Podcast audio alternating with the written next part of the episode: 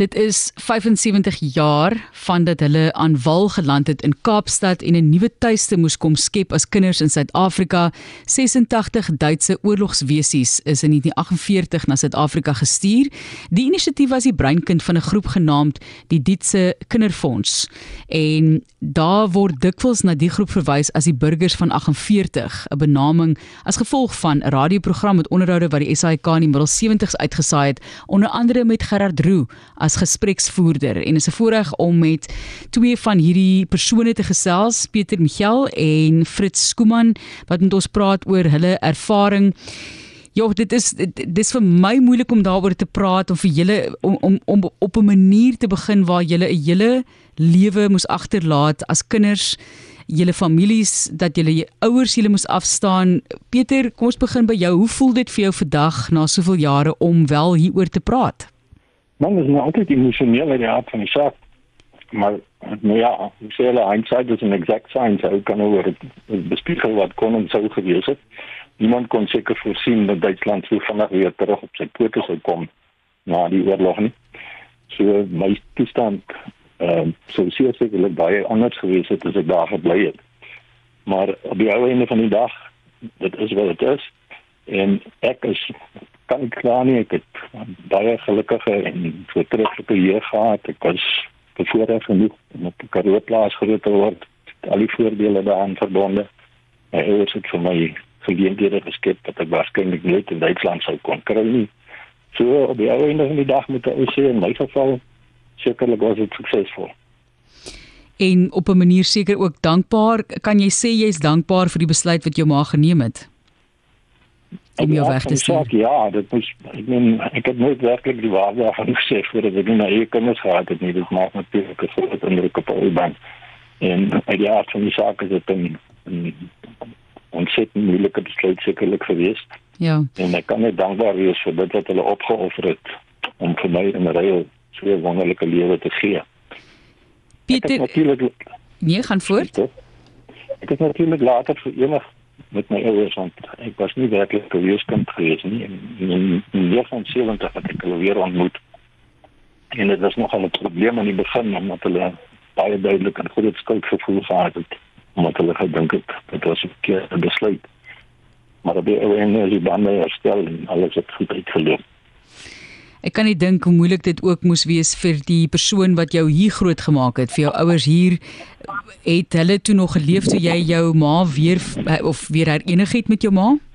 Nee. nee. Goed, is hulle toe oorlede reeds? Ja. OK. Ja, moet baie moeilik wees. Ehm um, hoeveel jaar nadat jy toe as kind hiernatoe gekom het, het jy herenig?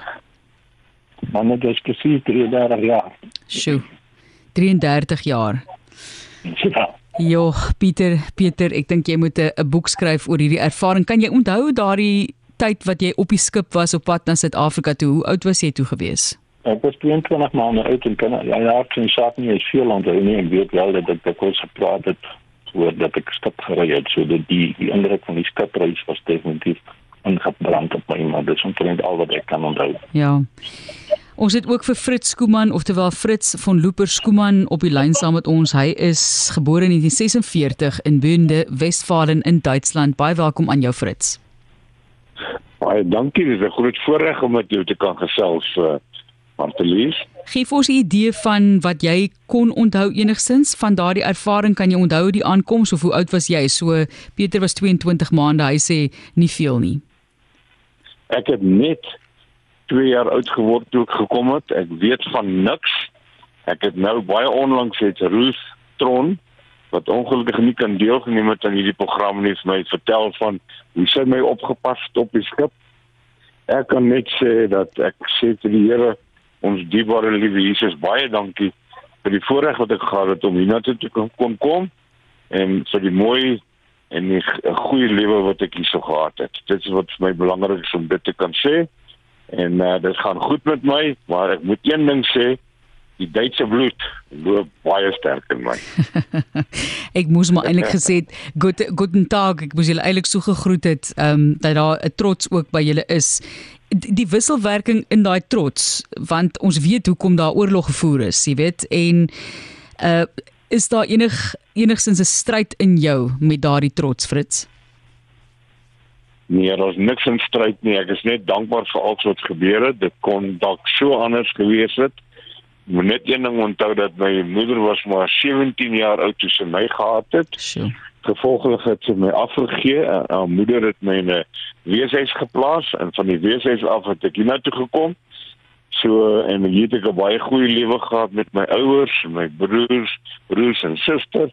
Ek is net baie dankbaar. Dis al wat ek kan sê.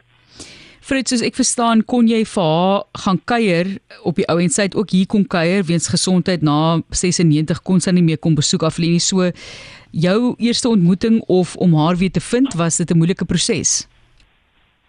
Dit was 'n uh, 'n uh, baie mooi geseënde proses gewees want ek was 29 jaar oud toe ek besluit ek moet my moeder gaan soek en dinge het so pragtig uitgewerk want op daai stadium het ek vir 'n firma gewerk wat 'n sustersmaatskappy in Düsseldorf gehad het. Die bestuurende keer daar het dadelik 'n vrou aangestel om vir my musiektog te begin. En dit was nie lank nie toe bel die bestuurende keer my terug te sê hier's jou ma se telefoonnommer, jy kan haar bel. Ja. Nee. Nou dit natuurlik die probleem met die uh uh die jeug wat onverantwoordelik kan wees en so aan wat ek natuurlik nou was want ek bel toe dadelik en uh, dit was gelukkig het ek nie met haar gepraat nie maar met die dame wat vir haar werk en uh, agterna my my uh, skoonpa meneer uh, Arno Elmer my wat 'n prokureur van 35 jaar in Johannesburg was met gesê Fritz stop. Dis nie nie mens dink kan aanpak nie. Los dit vir my. Ek sal vir haar 'n baie mooi brief skryf bevestiging kry dat sy wel die moeder is dan vat ons dit van daar af. So ek het goeie advies gehad oor die jare en dis hoekom dit so mooi uitgeëindig het met my. Indien jy paspoort aangesluit het, dit is die stem van Fritz Skooman en Pieter Michel en hulle is twee ons sê wesies in aanhalingstekens maar hulle is opgegee op die ouend deur hulle ouers. Die een omdat sy baie jonk is Fritz jy kan my korrigeer daar as jy as jy voel nie ander omdat sy gevoel het dat haar seun Pieter dalk sal sterf tydens die Tweede Wêreldoorlog. En dis 75 jaar gelede wat 86 Duitse wesies na Kaapstad gestuur is om hier grootgemaak te word. En soos wat Pieter ook gesê het oorspronklik het hulle gemik vir 3 tot 8 jariges, maar op die ouend was dit toe ouderdom 22 tot 13 jaar hierdie 86 kinders wat gekies is. Pieter Daar is ook bekendes op die lys van hulle wat reeds oorlede is wat jy ook van weet het hulle kontak gehad indien jy ook so 'n paar name vir my kan noem? Uh ja, maar ek het al so 'n hele paar bekendes Uh ons het oor die verloop van tyd paar die Indies gehad, so ek het die voorreg gehad om meeste van hulle te ontmoet. Ek was ook een of twee keer betrokke by Duitse uitsendings wat televisieopnames kom maak het oor die destydse gebeure en destyds dan ook saam met hulle aan die mense besoek het. Die bekendste is waarskynlik Maritje Malang, sy hier die dokter was van die destydse premier dokter Dirk Malang. Dan is daar die bekende sal ek maar sê dokter Lothar Netling wat 'n forensiese kenner was uh, Dr. Sigrid Patrick wat die hoofstaatsveer onderste poort was, die bekende operasanger en lektor Dr. Werner Nel en dan twee akademici, Dr. Werner Schalak of van der Merwe wat 'n boek geskryf het oor die hele uh ekspedisie en ook meer Eike de Lange wat 'n akademikus was baie interessante geskiedenis en die mense wat deel maak van hierdie lys. Kom ons praat net gevinnig oor wat 'n mens leer uit die geskiedenis. Fritz, ek soos wat Pieter gesê het, dinge het toe anders uitgedraai as wat dan nou verwag is met die beëindiging van die oorlog en hoe Duitsland aangepas het. Wat dink jy kan 'n mens leer uit hierdie proses? Dalk ook kinders se vermoë om te kan aanpas, Fritz. Vir my was dit uh, uh, maar te lees wat dit baie maklik geweest want ek was so jonk en ek het niks geweet nie. En ek het maar groot geword. Ek was 5 jaar oud gewees toe my ouers my na die Kaapse hawe toe gevat het en my gesê het my seeskip het ek Suid-Afrika toe gekom. So wat dit vir u te sê, ek ken net een plek en dit is Suid-Afrika. Pieter, jou kant, het ons as Suid-Afrikaners of die wêreld iets geleer deur daai hele proses? Nie so 'n maklike vraag om te antwoord nie, want ek sê in retrospeksie kan ons ander afleidingsmakers wat jy eintlik realisties behoort te doen. Uh, nou die vraag wat mense ook moet vra is of dit 'n sukses was. Ek sou sê ja, in die meeste gevalle is dit baie duidelik geweest dat die aannemingsproses baie van ons het was wat ons nie andersins sou gehad het nie. Maar aan die ander kant uh, moet ek sê dat ek sou uh, aanbeveel dat indien 'n 'n land en ander lande se kinders wil help hulle dit liewer sou kon doen vir alle my en Fritse geval wat ouers gehad het. Hier byvoorbeeld die ouers ondersteun in die proses sodat die kinders kan bly waar hulle is en daarmee bedoel ek niks negatief teenoor dit wat ek hier ervaar het nie. Ek sê dit maar bloot dink dit is quasi wetenskaplike benadering. Ja. Kan kan ek noem dat Dr. Vera Bierman wat verantwoordelik was vir die mediese en psigiatriese keuring van die kinders en later ook by hulle plasing. En hele aantal jare later by 'n vraag die antwoord gehad het dat sy sou dit nooit weer doen as sy dit moes laat leef nie. Ek het vroeër ja. ook 'n e-pos gekry van iemand wat gesê het dat hulle het ook 'n betrokkeheid daar gehad. Ek sal dit nou-nou vir ons luisteraars ook noem. Dit was na brink@rsg.co.za gestuur en daar kan jy natuurlik met my kontak maak oor enige onderwerp wil ek baie keer sê en dankie weer eens aan mense wat op so 'n manier met ons saamgesels en Net laastens, as mens ook kyk na jou lewe Pieter, ek weet ons is nog by jou bietjie.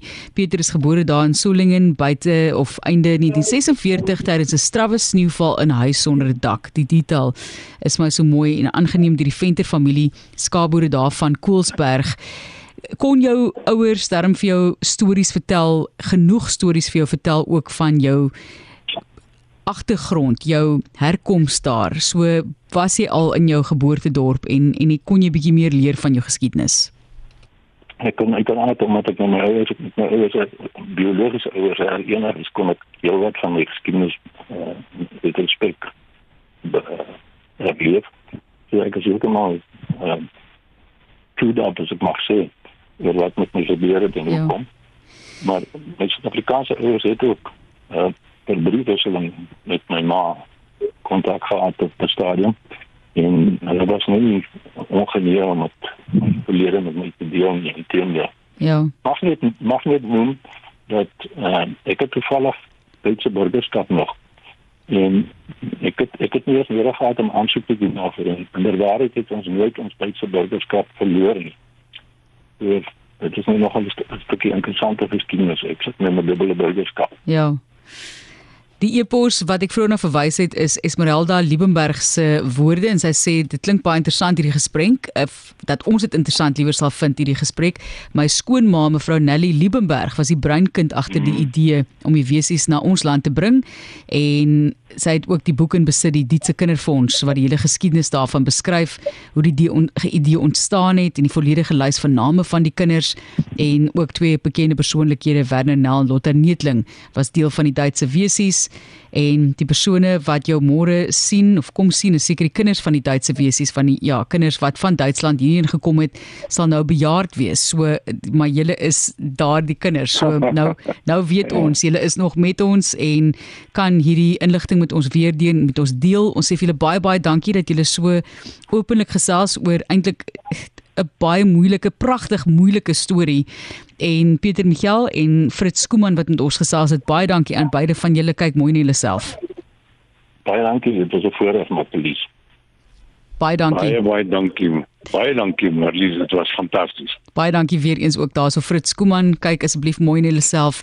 En dit is vandag of nou die 8de September môre, 75 jaar gelede wat 86 Duitse wesies na die Tweede Wêreldoorlog na Suid-Afrika gekom het en hulle het met ons gepraat oor hulle ervaring en hoe hulle die, met hulle oorspronklike maas, maar oorspronklik kom ons sê liewer biologiese maas, hy enig is.